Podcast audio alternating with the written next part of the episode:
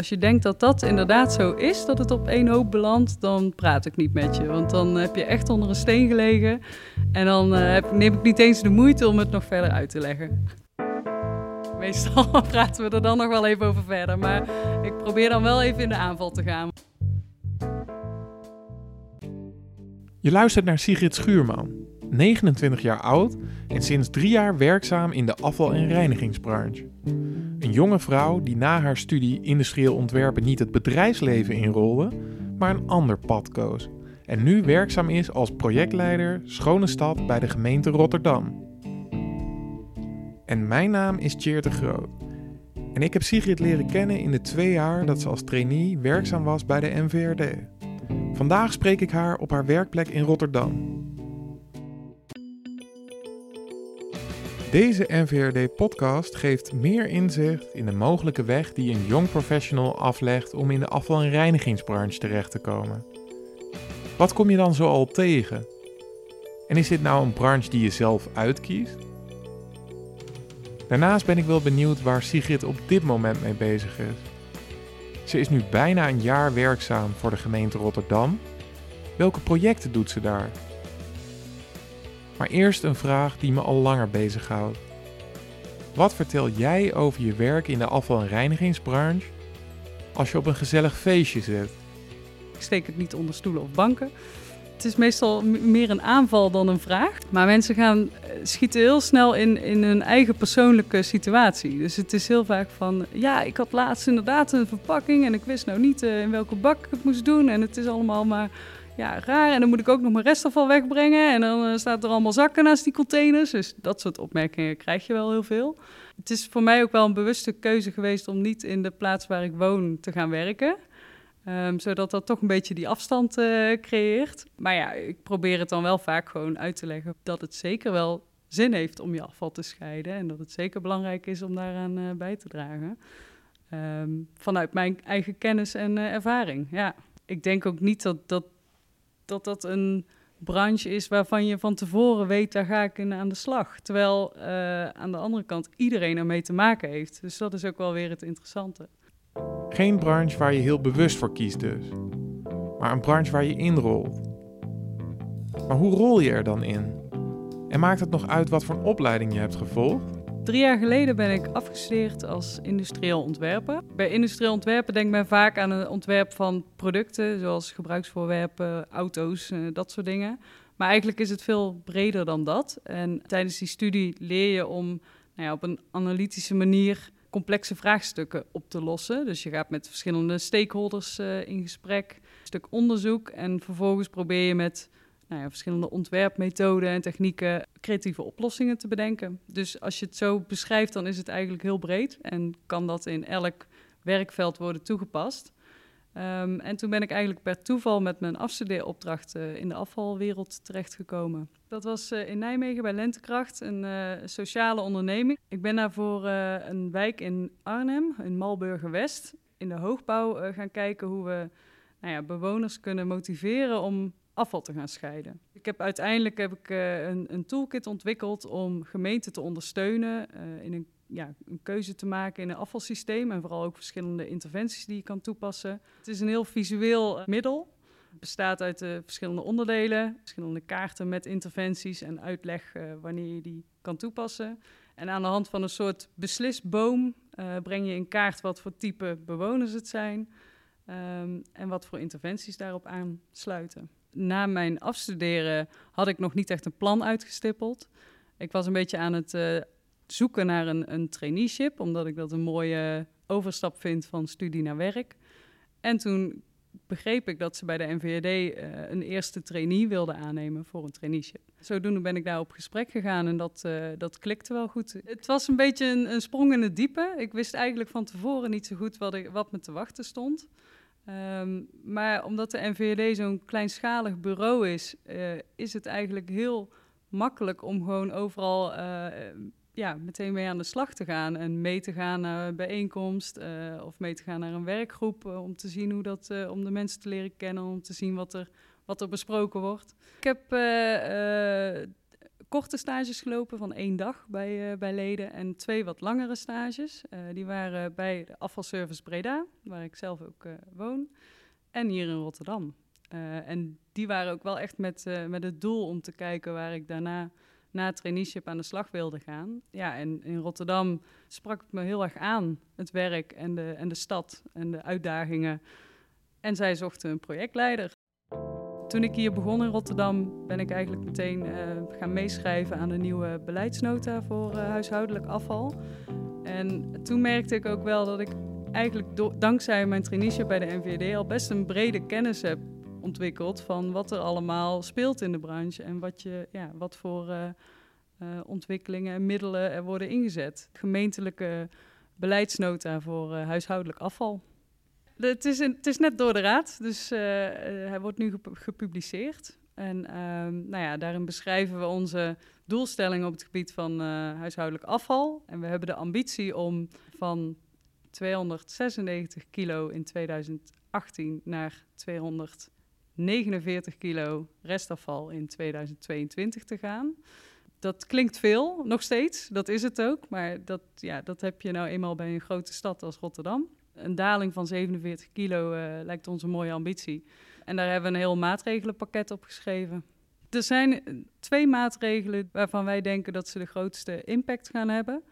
Uh, de eerste, daar zijn we denk ik wel een voorloper in, dat is de nascheiding van eh, PMD, die installatie is nu, wordt nu in gang gezet. Dus aan het eind van het jaar moet al het Rotterdamse restafval over de band. En dan wordt het PMD achteraf vooruit gehaald. De tweede maatregel is misschien iets minder innovatief, maar wel heel belangrijk. En dat is de invoer van GFT. In laagbouw is er de afgelopen jaren zijn er al zo'n 50.000 huishoudens voorzien van een mini-container voor GFT. Um, maar de rest van de laagbouw moet nog en alle hoogbouw ook. Dus dat wordt nog wel een uitdaging de komende jaren. Tja, een GFT-uitrol. Daar wil ik meer van weten. Dus neemt Sigrid me tijdens het interview mee naar buiten. En we belanden aan de voet van een enorme flat in Rotterdam-Oost om daar in de praktijk te zien hoe Rotterdam op dit moment een proef doet met GFT-inzameling bij hoogbouw. We staan hier in de, de wijk Prinsenland, in het gebied Prins Alexander. En we staan hier bij een eh, GFT-kokon. Want dit is onderdeel van een pilot die we uh, samen met andere gemeenten uh, in een vangonderzoek nou eigenlijk aan het onderzoeken zijn hoe we op de beste manier GFT bij hoogbouw kunnen gaan inzamelen. Um, dus er zijn een aantal straten hier en flats. We staan hier bij een flat van 14 verdiepingen. Uh, die hebben allemaal een pasje gekregen voor deze uh, bovengrondse GFT-container. En daarmee uh, monitoren we hoeveel GFT er wordt weggegooid. Zit er nog zoveel GFT in het Rotterdamse restafval? Het, het Rotterdamse restafval bestaat voor ongeveer 40% uit GFT-afval. Dus in dat opzicht qua, volume, of, qua kilo, sorry. Dus in dat opzicht een hele belangrijke stroom om eruit te kunnen halen. Um, dankzij de invoer in laagbouw zien we dat al gelukkig toenemen, de, het, gescheiden inzamelen van GFT. Ehm, en dat betekent dat er nu ongeveer 15 kilo per persoon per jaar gescheiden wordt ingezameld, maar ook nog nou, ruim 110 kilo per persoon per jaar in het restafval zit. Ja, dus dat is gewoon echt, uh, als we die eruit kunnen halen, of in ieder geval een groot gedeelte ervan, dan kunnen we echt uh, stappen maken. En hoe loopt het? We hebben nog geen concrete resultaten, die volgen nog. Maar eh, we zien nu al wel dat er, dat er een redelijk schone stroom GFT wordt ingezameld.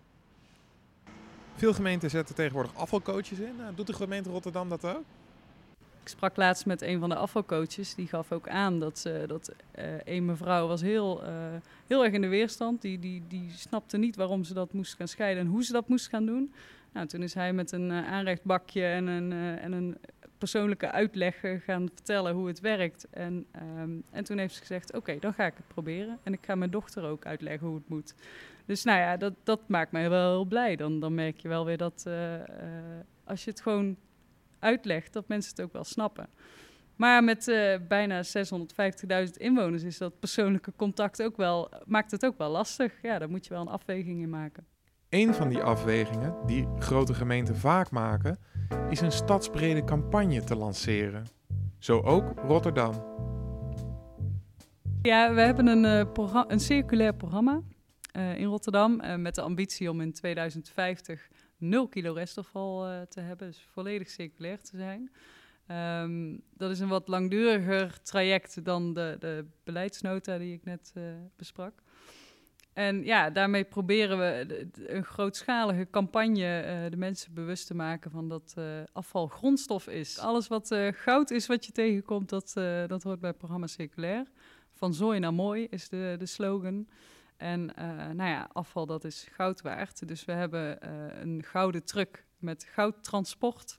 Dat soort middelen zijn met name op, op scholen of voor kinderen wel echt ja, die vinden dat hartstikke interessant. Als ze, als ze daar zelf iets in mogen gooien, ja, dan worden ze helemaal blij.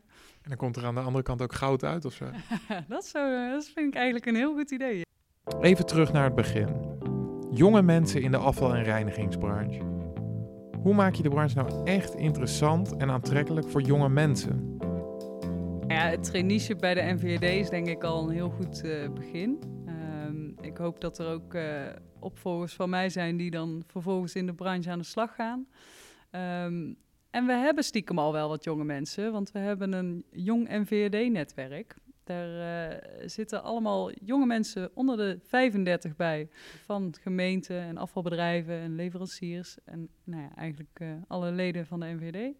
Ons motto is eigenlijk de afvalbranche overbodig maken. Daarin koppelen we elke keer een thema en daar, daarover gaan we in gesprek. En uh, dat sluiten we uiteraard af met een uh, netwerkborrel. Dus zo proberen we wel in ieder geval ook de jonge mensen aan elkaar te koppelen. Uh, ja, en volgens mij zijn we een hele enthousiaste groep in, in deze branche. En wat mij betreft mag het nog wel uitgebreid worden. Ik geloof altijd heel erg in de samenwerking tussen nou ja, de wat oudere generatie, die echt wel de kennis en de ervaring heeft opgedaan. En de jonge generatie die gewoon ja, ook wat verder denkt en wat, wat, wat, wat breder misschien uh, uh, denkt. En, en heel erg ja, nieuwe oplossingen um, probeert mee te nemen.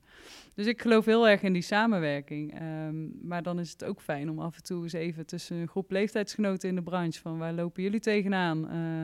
Hè, wat, ja, waar kunnen we elkaar bij helpen? Je merkt wel dat uh, de meeste jonge mensen toch wel of bij grote gemeenten werken of bij, uh, ja, bij bedrijven.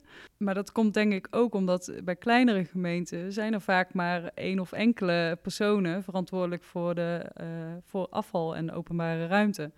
Ja, en dat is soms iemand die er al heel lang zit. Dat, dat is wel de realiteit. Dus, daar, dus dat, ja, dat is lastig om, om jonge mensen bij kleine gemeenten te vinden. Dus bij deze een oproep. Komt allen. Ja. ja. Tot slot, jonge mensen binnenhalen is één.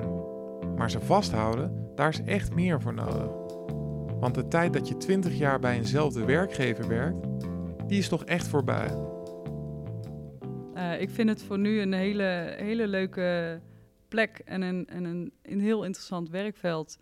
Uh, maar het zou ook zomaar kunnen dat ik over een paar jaar denk, nou, nu wil ik weer even een ander onderwerp. Want ja, ik zeg ook, ik ben ook opgeleid uh, niet specifiek uh, voor een bepaald onderwerp, maar meer een, een, manier van denken en ontwikkelen. Ja, en dat kan ik denk ik op meerdere plekken toepassen. En dat lijkt me ook wel heel mooi om te, om te doen. Benieuwd naar het Young Professional netwerk van de NVRD? Ga naar www.nvrd.nl slash youngnvrd. Benieuwd naar de volgende audio- en podcastbijdragen van de NVRD? Abonneer je via Spotify, iTunes of een van de andere gebruikelijke podcastkanalen. Laat dan direct even weten via een rating wat je van onze podcast vindt.